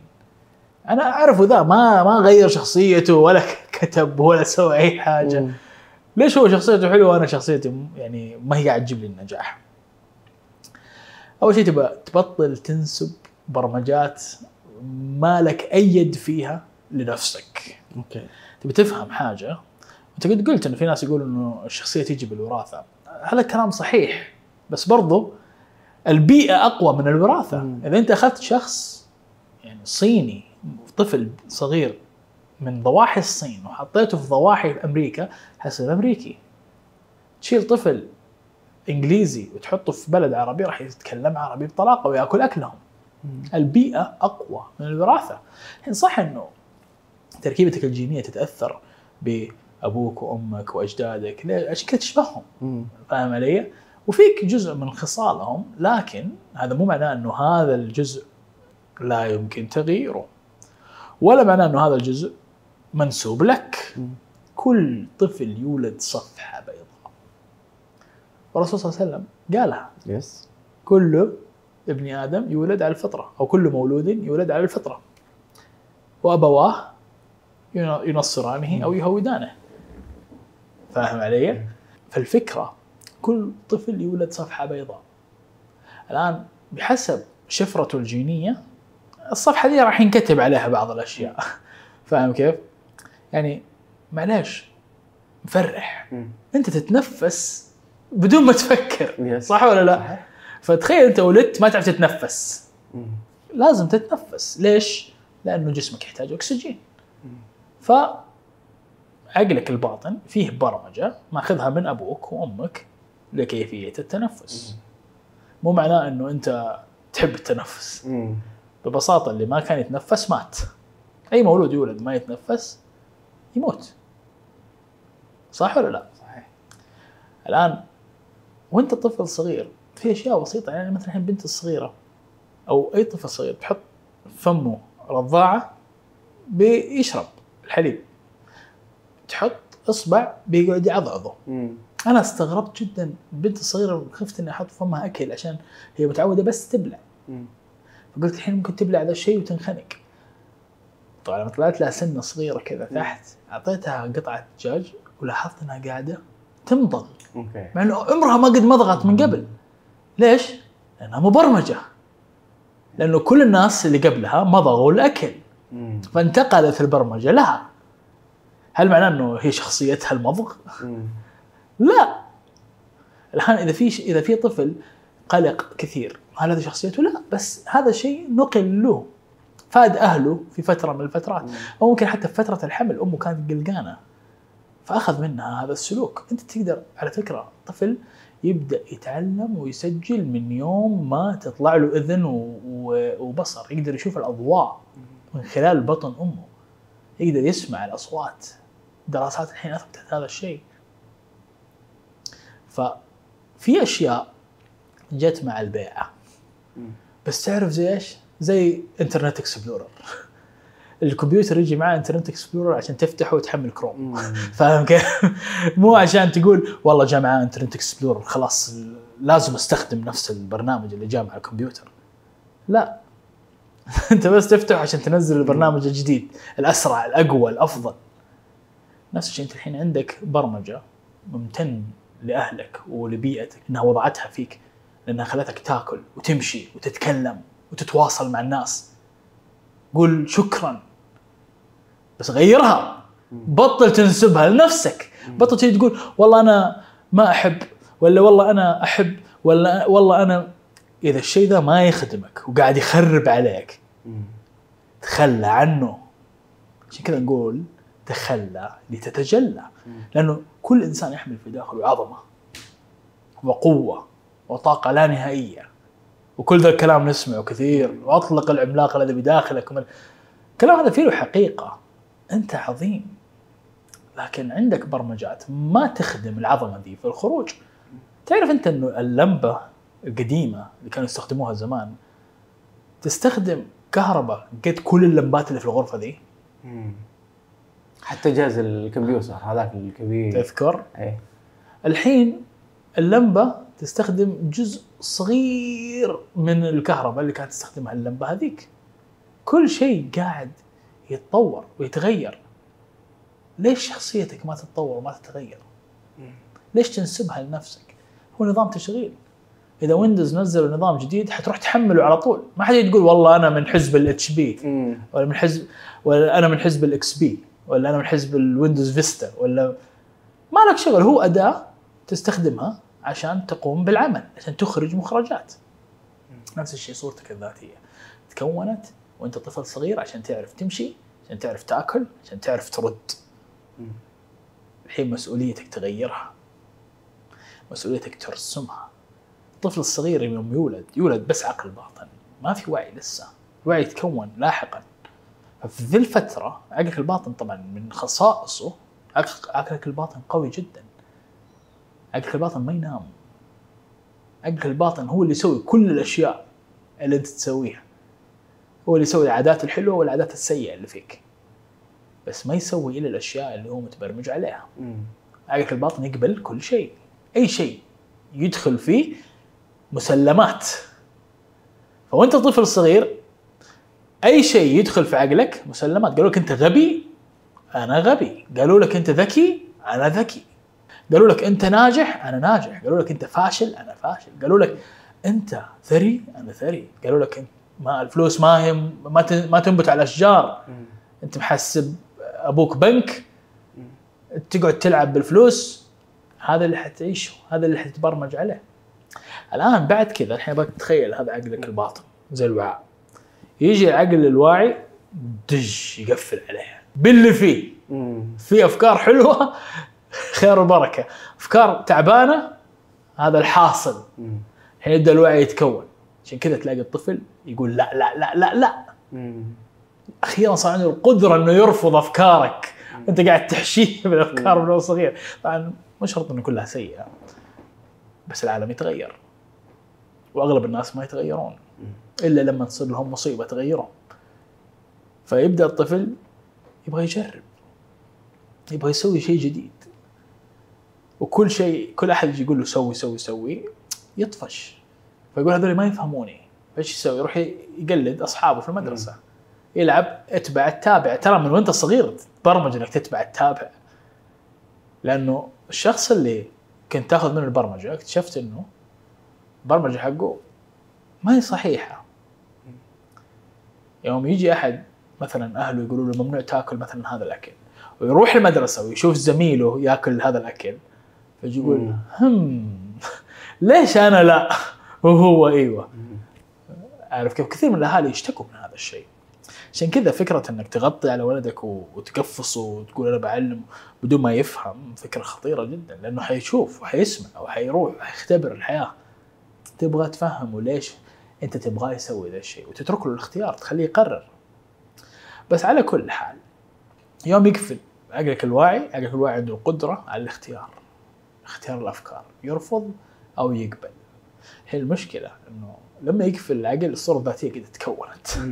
أنت صرت منتج لبيئتك فما راح تقبل إلا أشياء متناغمة مع بيئتك وما راح ترفض إلا مم. أشياء متعارضة مع بيئتك. كل شيء متعارض مع بيئتك حتى لو يخدمك راح ترفضه. تقول هذا مو أنا هذه مو شخصيتي. فهمت كيف؟ اللي تكونت في وقت أنت ما كان عندك القدرة إنك تختار إيش الفكرة اللي تدخل وإيش الفكرة اللي تعدي. تكون عندك بارادايم تكون عندك منطق. مو منطقي كلام هذا الشخص. مو منطقي كلام هذا الشخص. بس تعرف إيش اللي يدمر المنطق؟ التجربة. التجربة تدمر المنطق. عشان كذا تيجي تشوف واحد يسوي الشيء اللي أنت متبرمج إنك ما تسويه تروح تجرب. نفس موضوع قمة إيفرست. أول واحد ما كان منطقي الموضوع. فاول واحد طلع على هذه القمة آلاف الناس طلعت. صحيح بس في كثير ناس طلعت قبله وماتت. ليش؟ إنه مو ما يكفي إنك تروح تجرب. لازم تجرب بوعي. وهنا لعبة أو أسلوب أتبع القائد يشتغل. هنا لما تيجي ترسم صورتك الذاتية على أساس متين. على إنجازات حقيقية للناس. مو على واحد سوى شيء أنت ما تسويه. تقول هو يسويه أنا لازم أسويه. هذا ما هو وعي. أنت ممكن تؤدي بنفسك إلى التهلكة بهذه الطريقة. تضيع وقت مرة طويل. تقعد وقت مرة طويل عشان تكتشف أشياء في ناس already اكتشفوها عشانك. أنا دائما أذكر مقالة بيتر دراكر يوم قريتها وعمري 26 سنة ولقيت فيها أشياء لو إني قاريها قبل عشر سنين كانت وفرت علي حرفيا عشر سنين. حرفيا عشر سنين. نفس المشكلة كنت أقع فيها أكثر من مرة لين ما قدرت أشوفها من زوايا متعددة وأحلها نهائيا. يوم قريتها في المقالة هذه قلت يا إلهي طب خلينا نشوف متى كتبها. كتبها في السنة اللي أنا ولدت فيها. يجوني ناس يقولوا لي يمكن لو قريتها ما راح تفهمها كلام فاضي. أي شيء تقرأه يتخزن في عقلك. يوم تجي تسوي تجربة اللي يتخزن في عقلك يولع لمبة. كثير من الناس قاعدين يتفرجوا هذا البودكاست الحين. في لمبات كثيرة قاعدة تولع في راسهم. على شكل إيش؟ تجربة صارت له من قبل. واو والله كلام البيتي صح. نفس التجربة اللي صارت لي. وكثير من الناس يقول لك هم هذا الكلام هل هو صح ولا لا؟ لأنه ما عنده تجربة يربطها فيه. فاهم كيف؟ فأي شيء أنت قرأته أو سمعته راح تربطه بالتجربة سواء اللي قد سويتها أو اللي راح تسويها في المستقبل. يجيك زي الإلهام. بعد ما تصير لك التجربة. ما عمرك فكرت في مثل شعبي وكنت تقول يا أخي هذا كلام فاضي كلام الأولين. بعدين صارت لك تجربة قلت والله إنهم صادقين. طبعا. ليش؟ لأنه صارت لك تجربة ارتبطت مع المعرفة والأمثال الشعبية. معرفة ترى معرفة منظمة.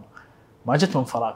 أنت مستوعب عبارة صغيرة تتحدى الزمان وتوصل طول السنوات هذه لدرجة إن الناس ما تعرف إيش أصلا معناه فالفكرة اللي تأخذها ما راح تقدر تفهمها إلى يوم تجربها. وتكلمنا عن الموضوع مرة كثير في البودكاست السابق. التجربة هي الشيء الوحيد اللي يمكنك من إنك تعرف الحياة هذه تختبر الحياة هذه. الآن هل أنت تفضل إنك تتبع واحد ما قد سوى شيء في حياته؟ ولا تبغى تتبع أحد يعرف إيش يسوي؟ عشان كذا نقول لما تيجي ترسم صورتك الذاتية اتبع الناجحين اتبع المنجزين. عشان كذا الإنجاز ذبذباته عالية جدا. مو عشان الموضوع سطحي مو عشان الفلوس هي كل حاجة. ولو إنه أنت فلوس وأنت كل حاجة. بس الفكرة إنه إحنا نبني على أكتاف العمالقة حرفيا. ليش ترجع تخترع العجلة من جديد؟ إيش في شيء تحاول تثبته لما تخترع شيء قد اخترعوه الناس قبلك، لما تكتشف شيء قد يكتشفوه الناس قبلك. زي الحين Threads قاعد يقلد تويتر. سوي شيء جديد في العالم يا شيخ. تروح تسرق لي الكود وتنزله نفسه عشان خايف المتابعين حقك يروحوا، لو عندك خدمة كويسة المتابعين حقك ما راح يتركوا منصتك، صح ولا لا؟ yes الخوف عمره ما هو محفز جيد. الرغبة هي المحفز الجيد. الرغبة هي المحفز الوحيد. مرة ممتاز. أقدر أبني صورتي الذاتية بأنه أنا أزيد الإنجازات في حياتي. أول شيء أشكل الصورة هذه. أزيد الإنجازات. أختار اختار كيف تبغى. تكون. شكلها أختار مين هذا الشخص اللي بكون عليه. أبدأ الإنجازات ترفع الصورة الذاتية بشكل مرة خطير بشكل مرة قوي. بس هنا سؤال عن المعرفة. هل الإنسان لما يعرف عن نفسه أكثر تلقائيا صورته الذاتية حترتفع؟ طبعا. إنما يخشى الله من عباده العلماء. حتى الآية سبحان الله أنا دائما أعجب بالآية هذه. كتبت بطريقة أو صيغت بطريقة عجيبة. ما يفهمها إلا الفاهم والعالم في اللغة. ترتيب وتركيب ال- الجملة مقلوب. إنما يخشى الله من عباد العلماء. الجاهل يقول الله يخاف من العلماء. بس اللي يفهم اللغة يقول الله منصوبة. فالفاعل هو العلماء. فاعل الخوف هو العالم هو الذي يخشى الله. فكل ما فهمت نفسك كل ما عرفت ربك حتى في مقولة يقول لك كل إنسان يعبد إله مختلف. حتى كلنا نقول الله الله الله أو جاد جاد جاد أو ايا كان. بس كل واحد يعبد إله مختلف. في آه، في, ال- في الأثر قصة الأعرابي اللي ضاع حماره. فدعا الله أنه يا رب رد لي حماري فلما ربي رجع له حماره قال الحمد لله يعني يعني يحمد الله ويقول له الله لا يضيع حمارك أوكي فاهم كيف؟ لأنه في باله إنه الله عنده حمار زي. هذا هذا هذا عقله فاهم كيف؟ ما حد حاسبه على جهله بس كل إنسان له منظور مختلف عن العالم كل ما إنسان فهم نفسه أكثر كل ما فهم العظمة اللي فيه كل ما قدر إنه ينجز أكثر ويعطي أكثر ويخرج أكثر من نفسه. لازم ما ننسى إنه إحنا خلفاء الله في الأرض. لازم ما ننسى هذا الشيء. صح إنه الإنسان فيه ويخطيه وفيه وفيه وفيه بس لا ننسى إنه إحنا خلفاء الله في الأرض. الله عز وجل قال للملائكة إني جاعل في الأرض خليفة. فأنت خليفة الله في الأرض. تقدر تسوي أي شيء. تقدر تسوي أي شيء. الشيء الجميل إنه الملائكه إيش قالت؟ قالت أتجعل فيها من يفسد فيها ويسفك الدماء؟ وصدقوا. شوف إيش سوينا في التاريخ؟ نقتل بعض دمرنا الدنيا. مع إنه ترى على فكرة يقول لك نسبة ال- القتل الحين انخ- انخفضت جدا. لأنه الوعي ازداد. بس الله إيش قال الملائكة يوم قالوا زي كذا؟ يوم قالوا أتجعل فيها من يفسد فيها ويسفك الدماء. ونحن نسبح بحمدك ونقدس لك. الله عز وجل قال كلمة يقشعر, يقشعر لها البدن للشخص اللي يفهم. مم. إني أعلم ما لا تعلمون. الله عز وجل يعرف أنت إيش تقدر تسوي. هل أنت تعرف أنت إيش تقدر تسوي؟ تعلم. أعرف مين أنت. أعرف نفسك. أعرف عقلك. أعرف جسمك. الجسم البشري معجزة.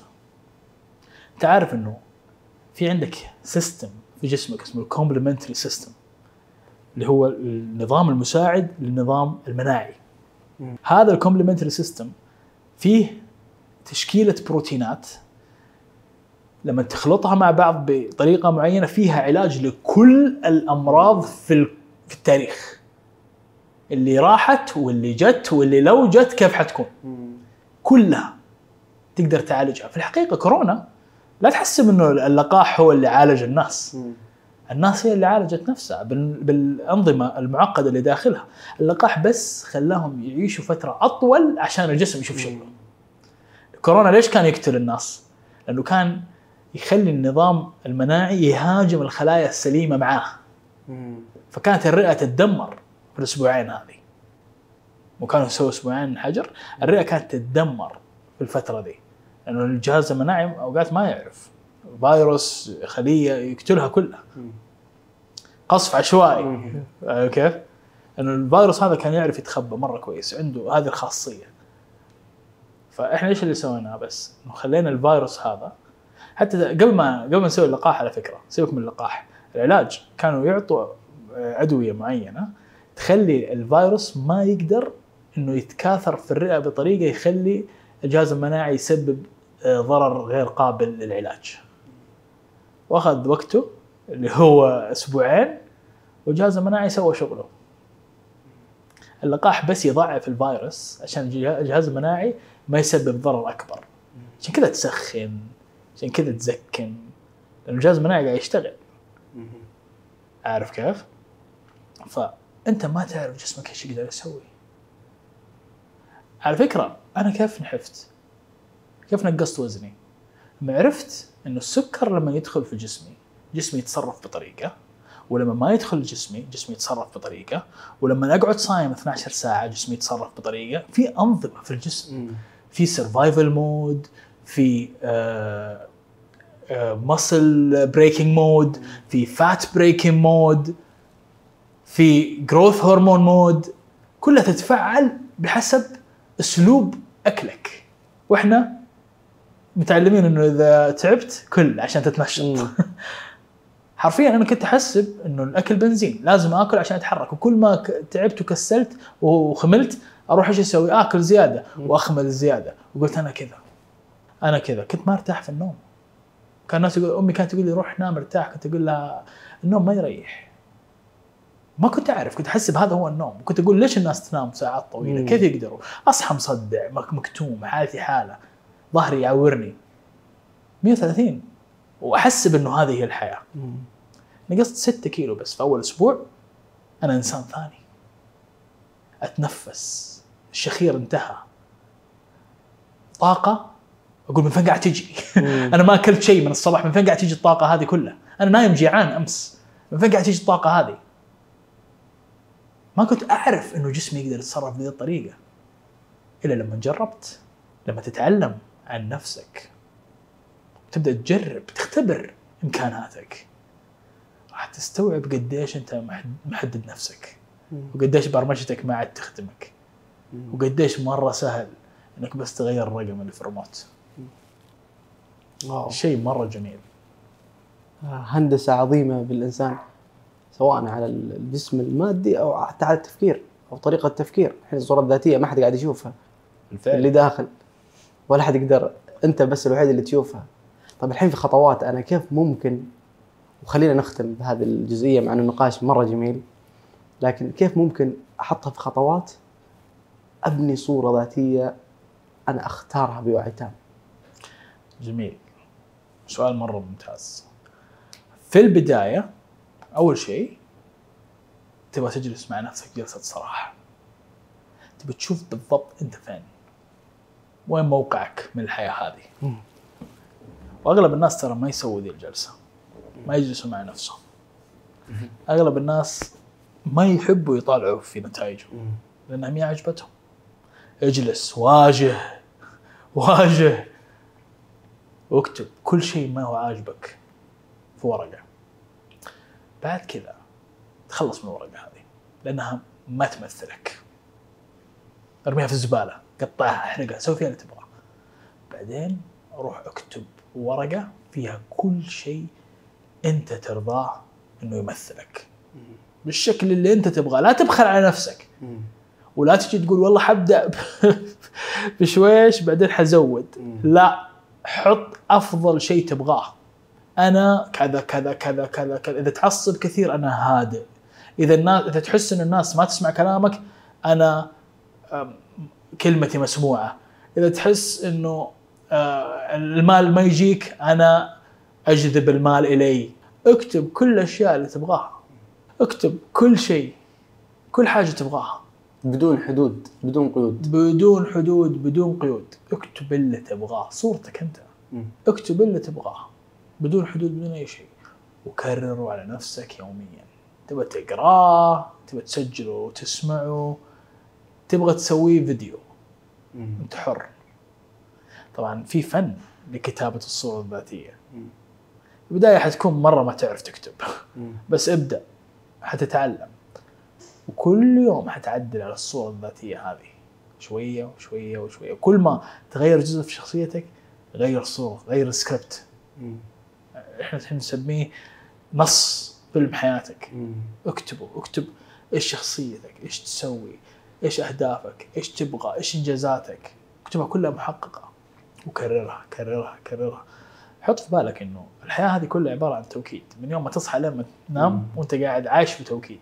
تفتح عينك في غرفة صغيرة أو في مكان مو عاجبك تطلع سيارة مو عاجبتك تروح مكان مو عاجبك تداوم في دوام مو عاجبك.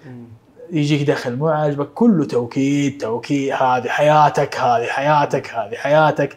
لازم يكون عندك روتين يومي يأكد الحياة اللي أنت تبغاها. هنا في نقطة بس قبل ما ننتقل إذا عج- جا- جالس إنسان يصحى في غرفة ما يبغاها سيارة ما يبغاها يكتب هذا الشيء ويبدأ يكرره حتى لو الواقع هذا موجود. طبعا. كرر اللي تبغاه. وحط في بالك إن الطاقة الإيجابية أقوى من الطاقة السلبية. والصور الداخلية أقوى من الواقع. كثير من الناس يجوني لما- نجي نتكلم عن قانون الأقطاب مثلا نقول لهم اعكس الفكرة. فيجوني يقولوا لي يا أخي بس صعب كيف نقدر نعكس الفكرة؟ أجي أقول له كيف قاعد تعكسها؟ يجي يقول لي مثلا دحين أنا رصيدي فاضي. وأجي أقول أنا عندي آه مثلا ألف ريال. مم. أقول له أنت تبغى 1000 ريال؟ يجي يقول لا بس يعني كبداية. مثلا يقول أنا راتبي 10000 وهو راتبه خمسة. أو أنا راتبي خمسة. أو ايا كان. يقول لك أبغى يصير 10 مثلا. هل العشرة هذه راح تسبب تغيير في حياتك؟ كبير؟ يقول لك لا بس هي بداية يعني. ما ينفع إنك تعكس الواقع بشيء واقعي. تبغى تعكس الواقع بشيء خيالي. أوكي. ليش؟ لأنه أنت ما أنت قاعد تفكر في الواقع. ما أنت قاعد تفكر إنه الحين رصيدك ما في فلوس أو راتبك 5000 أو راتبك 10000 أنت قاعد تفكر في إنه حيسجنوني حتوقف خدماتي. مم. خيال كله خيال. حفلس ما حيكون عندي فلوس حنطرد من الشغل. تيجي تقول لا أنا راتبي 10000 فكرة بسيطة يعني. أو أو لا أنا راتبي حينزل باستمرار. أو أنا يعني تيجي تكرر نفس ال- الواقع. أو تزود عليه شوية؟ لا. لازم تجيب شيء يحفز شيء أكبر شيء خيالي. وإحنا نتكلم عن الأهداف وكلام عن الأهداف يطول يطول يطول يطول جدا. بس بشكل عام لازم يكون عندك تصور مثالي للشيء اللي أنت تبغاه. حتى لو واقعك يقول لك عكس كذا. لأنه اللي تأكده على نفسك وتكرره على نفسك راح تشوفه. في الواقع. أغلب الناس عالقين لأنهم كل يوم يصحوا يلاقوا نفسهم في نفس المكان يأكدوا على نفسهم. فأنت يوم تيجي تأكد على نفسك شيء ثاني بشكل مختلف راح تصحى تلاقي نفسك في مكان ثاني. في بعض الناس يقول طب أنا قاعد أقول كل يوم أنا عندي مليون أنا عندي مليون أنا عندي مليون. هل أنت مصدق إن عندك مليون؟ ولا بس تقولها كذا؟ لازم تستشعر. لازم تعرف مشاعر المليون. أذكر في مرة كنت أتكلم في أحد الإيفنتات فجيت قلت في ترددات لكل شيء. المليون ريال له تردد. المليار ريال له تردد. فواحد كتب في الشات بالله يقول لنا إيش تردد المليار؟ عشان ندق عليه. أنا كنت أقول إذا عندك تردد هدفك تدق عليه ويرد عليك. قال يعطيني رقم المليار. أمانة حس الدعابة عنده كويس. الشخص هذا.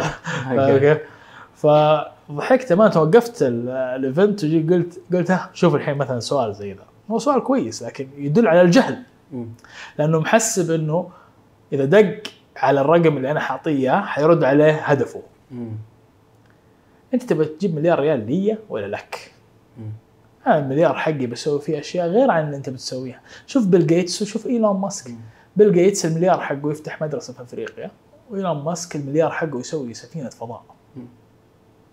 هذا تردد وهذا تردد. انت المليون ريال المية ألف ريال العشرة ألاف ريال إيش تمثل لك. مشاعر حياة تجربة. لما تتخيلها كويس وتشعر فيها في قلبك مضبوط انت هنا اتصلت مع هدفك. هدفك انت. مو هدفي أنا. عشان كذا دائما أقول لكل الناس اللي قبلهم ما يهمني أنت إيش تبغى. أنا بس يهمني إنك تبغاه إذا تبغاه أنا أقدر أساعدك توصل له. الحقيقة أنا أحسن واحد يقدر يساعدك توصل له. بس إذا كنت تبغاه. عشان كذا روح اكتب اللي تبغاه. يا أخي الله عز وجل يقول في القرآن ادعوني أستجب لكم. ما يقول ادعوني أشياء منطقية عشان أستجيب لكم. كثير الناس يقول يا رب بس لو حتى ألف ريال. طب ليش؟ كأنه سهل على الله ألف ريال وصعب. أكثر من ذلك. وعلى فكرة ربي ما راح يعطيك إلا اللي تطلبه. يوسف عليه السلام قال السجن أحب إلي. فدخل السجن. الله أنقذه. بس دخله السجن. اللي هو طلبه. موسى عليه السلام. إيش قال؟ لما قالوا له إنا لمدركون. قال إن معي ربي سيهدين. قدامه بحر وراه جيش. إيش في؟ كيف ربي حينقذني؟ ما في منطق في الموضوع. إن معي ربي سيهدين انقسم البحر. ربي يقسم لك البحر إذا تبغى. مو مو موسى عليه السلام من أولي العزم الرسل وإنسان مميز في التاريخ رسول ونبي. بس أنت عندك نفس القدرة. الله يقسم لك البحار والجبال والأرض والناس. بس مو قبل. ما تؤمن. والإيمان شعور مو كلام. بس أرسم صورة كررها أندمج معاها عاطفيا خلينا نقول بالشعور وبالمشاعر. كررها كل يوم. إيش فيها كل يوم؟ that's it في شيء ثاني؟ بس. كذا بس؟ بسيط الموضوع. okay. بسيط لدرجة محزنة. على فكرة لما أقول الكلام هذا للناس كثير أجي طالع في عيونهم اوقات كانه أحب أقول لأي أحد قاعد يسمع الكلام هذا أنا ماني قاعد أهين ذكائك. ماني قاعد أقول الكلام هذا على أساس إني أقلل من الوضع اللي أنت فيه. أنا بس أبغى ألفت انتباهك للعظمة اللي موجودة داخلك. وأحب أقول لك إنه اللي تركز عليه هو اللي يصير. إذا حتركز على الشيء اللي مو عاجبك على المعيقات أنت قاعد تعطي قوة. للمعيقات. ترورد إيش يقول؟ يقول ما في شيء اسمه قوة توكيدية سلبية. القوه السلبيه غير موجودة. ما في قوة سلبية. انت تعطيها الحياة. فقط في قوة توكيدية. أي شيء سلبي موجود في الحياة موجود لأنه البشر قاعدين يضعوا القوة التوكيدية فيه. لأن القوة السلبية هي قوة تدمير ما هي قوة خلق. القوة التوكيدية هي قوة خلق. فوضعك اللي مو عاجبك أنت قاعد تخلق تنفخ فيه الروح حرفيا بتركيزك عليه يا الله أنا تذكرت. الحين لما تقابل أحد تقول له مثلا وعندك مليون ريال إيش حتسوي؟ حسدد الدين. على طول. أول شيء أقفل القرض حقي. أيوه طبعا. مرة خطير الموضوع مرة خطير جدا خطير. إنه أنت قاعد تعطي هذا الشيء قوة حرفيا. فأنت ما راح تجي الفلوس. فقاعد تسوي قاعد توقفها أساسا عليك. يا رجل. آه، موضوع مرة خطير. أذكر هذا كلام ترى مو بس من الناس اللي, اللي ما عندها فلوس. حتى الناس اللي عندها فلوس. أذكر كنت جالس مع مليونير وصاحب أعمال ويقول لي أنا الحين في ضائقة مالية. فجي قلت له قلت له كيف تسمح لنفسك؟ عشان أشجعه. لأنه كان يقول لي أمانة نزل من نفسه يعني مرة طاقته كانت مرة منخفضة. وأعرف شخصية الرجل هذا يرفض إنه يكون في وضع زي كذا. فقلت له أنت كيف سامح لنفسك إنك تكون في وضع زي كذا؟ قال لي لا! وهنا بدأ يعصب. لا كيف؟ أنا لو أبغى أشتري شيء أشتريه ولو أبغى أشرب شيء أشربه ولو بخرج أخرج أنا لما يقول لك عندي ضائقة مالية لأنه يعني يكلمني كأني ماني فاهم. عندي موظفين أدفع لهم رواتب أنا عندي بزنس آه، يعني أعطيهم التزامات. قلت له طب أتلحلح وجيب فلوس الناس. بدل ما أنت جالس وقاعد تشكي. الناس هذه سوت العمل هذا معاك اشتغلوا معاك سووا اتفاقيات معاك. ليش؟ عشان تقعد تشكي وتبكي وتقول وين الفلوس؟ ولا عشان تتحمل المسؤولية وتروح تجيب الفلوس لك ولهم؟ قال لي أنا ما أقدر إذا جتني أي فلوس لازم أروح أسدد ديوني أول وهذا الشاهد هنا من الموضوع قال له يا أخي أنت الحين إذا جاتك مئة ألف مثلا انت ديونك مثلا 10 مليون جاتك مئة ألف أنت لما تيجي تروح تسدد دين بالمئة ألف هذه كأنك تقول للتسعة مليون وتسعمية ألف أنتم ما لكم داعي. مم. وهذول أهم. وفي النهاية أنت قاعد تقول كلمة واحدة. أنا مو كفو. مم. أنا لو استخدمت ال ألف حضيعها خليني أروح أسدد الدين أحسن.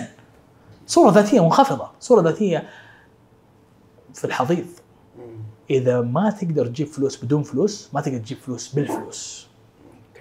هذه العبارة علمني إياها رجل عظيم. وإلى اليوم أنا أشوفها في كل مكان قدامي إذا الإنسان ما يقدر يجيب فلوس بدون رأس مال بدون فلوس ما يقدر يجيب فلوس بكل رأس المال في الدنيا لذلك الناس مهتمة إنها تسدد الدين، ليش؟ لأنها راحت علشان إنها واثقة من نفسها، عارفة إنها تقدر تسوي، بس مع أول خيبة أمل فقدوا الأمل في نفسهم. لأنهم جاهلين ونسيوا إن الله يعلم ما لا يعلمون. الله يعرف انت إيش تقدر تسوي. تحتاج بس تثق في نفسك يا رجل. اعطي نفسك فرصة إذا كان ديونك 10 مليون ريال إذا ديونك 10 مليون ريال أنت تقدر تجيب مليار ريال نعم بس مو أنت قاعد تسدد ال 10 مليون إيش الخدمة؟ إيش الخدمة؟ إنك كنت تستنى تجيك قطرة قطرة قطرة قطرة وتروح توزع ولا تروح تجيب اللي انت تستحقه وترجع للناس حقها من وسع. أوكي. صورة ذاتية. ارفع استحقاقك. ارفع صورتك عن نفسك. اعرف إنك أنت خليفة الله في هذه الأرض. واعرف إنه أنت مسؤول. يا رجل في قصة دائما أذكرها لأحد آه، أصحاب ال- الأعمال اللي يعني من المعارف. يقول كنت في ضائقة مالية وعندي فرعين والثاني فرع لسه ما فتح وجايب الموظفين حقه في الفرع الأول قاعد يدفع double رواتب والفرع متأخر عشان يفتح. فكنت مهموم شوية. بس كان وقتها وقت الحفلة السنوية حق الموظفين. فرحت و آه، سويت لهم حفلة واستأجرت لهم استراحة. وأنا جالس معاهم أتفرج عليهم مبسوطين ويحتفلوا ويصوروا FaceTime لأهاليهم. فقلت يا الله. طبعا وقتها مسوي الحفلة جاته. جاء مبلغ وتدبرت الأمور وضبطت الأمور. فقال يا الله هذول الناس كل واحد فيهم فاتح بيت والله يرزقني عشانهم. أنت مسؤول. أنت في هذه الأرض راعي وتحتك رعية. يا إنك تتحمل مسؤوليتك وتسمح للإنجاز هذا إنه يسري إليك ومن خلالك أو أنت ما أنت قده. وراح يروح لأحد ثاني. يتحمل المسؤولية. ما في أحد ترى تجي فلوس إلا هو مركز للتوزيع. مو قاعد يسدد ديون الناس. ما هو صبي يوزع فلوس الناس لهم. لا لازم الفلوس تدخل فيك بعدين تتوزع. أنت مركز للتوزيع. مو مخازن ومحافظ للمال. بوب بروكتور كان يقول أسوأ شيء ممكن يسويه الإنسان إنه يركز على ال- على على الدين. طيب أنا عندي دين إيش أسوي؟ ركز على النمو والازدهار. الدين حاله حيروح. استمتعت جدا والله. كلام كلام كبير أمانة وأتمنى إنه أي أحد سمع الكلام هذا يكون استفاد. لأنه أنا أتفهم الصعوبات اللي حول المال وحول الصحة وحول العلاقات أتفهم إنه أنت في وسط المعمعة أوقات ما تقدر إنك تتخيل حتى وضع أفضل. فدائما إحنا نقول لا تستنى إنك تكون في وسط المعمعة عشان تغير. بس حتى في وسط المعمعة تقدر تخرج زي كذا. لما تعرف مين أنت ومين ربك وإيش القدرات اللي عندك وإيش الطاقة اللي محبوسة فيك وإيش تقدر تسوي فيها. لما تغير الصورة الذاتيه إحنا نختم. استمتعنا جدا.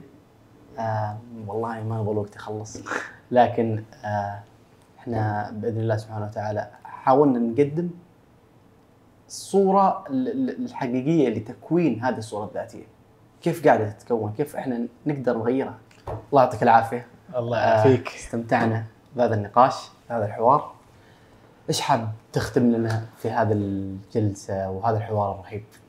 أمانة ما في شيء ينقال بعد الكلام اللي انقال بالعكس أحس إني شوية ممكن شديت مم. على الناس فبس روح اختار شيء تبغاه من أعماق قلبك واكتب وصف للشخص اللي يحققه. واسمعه لمدة 30 يوم. okay. وتعال اكتب لي في ال comment تحت okay. إيش صار معك. سحر سحر يا مفرح. جميل. شكرا لك. يعطيك ألف عافية. الله يعافيك وشكرا لك. نشوفك إن شاء الله على ألف خير.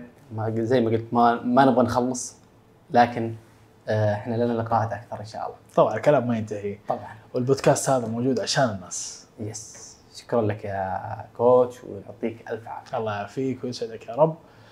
نشوفك إن شاء الله على خير. على ألف خير. فمان الله.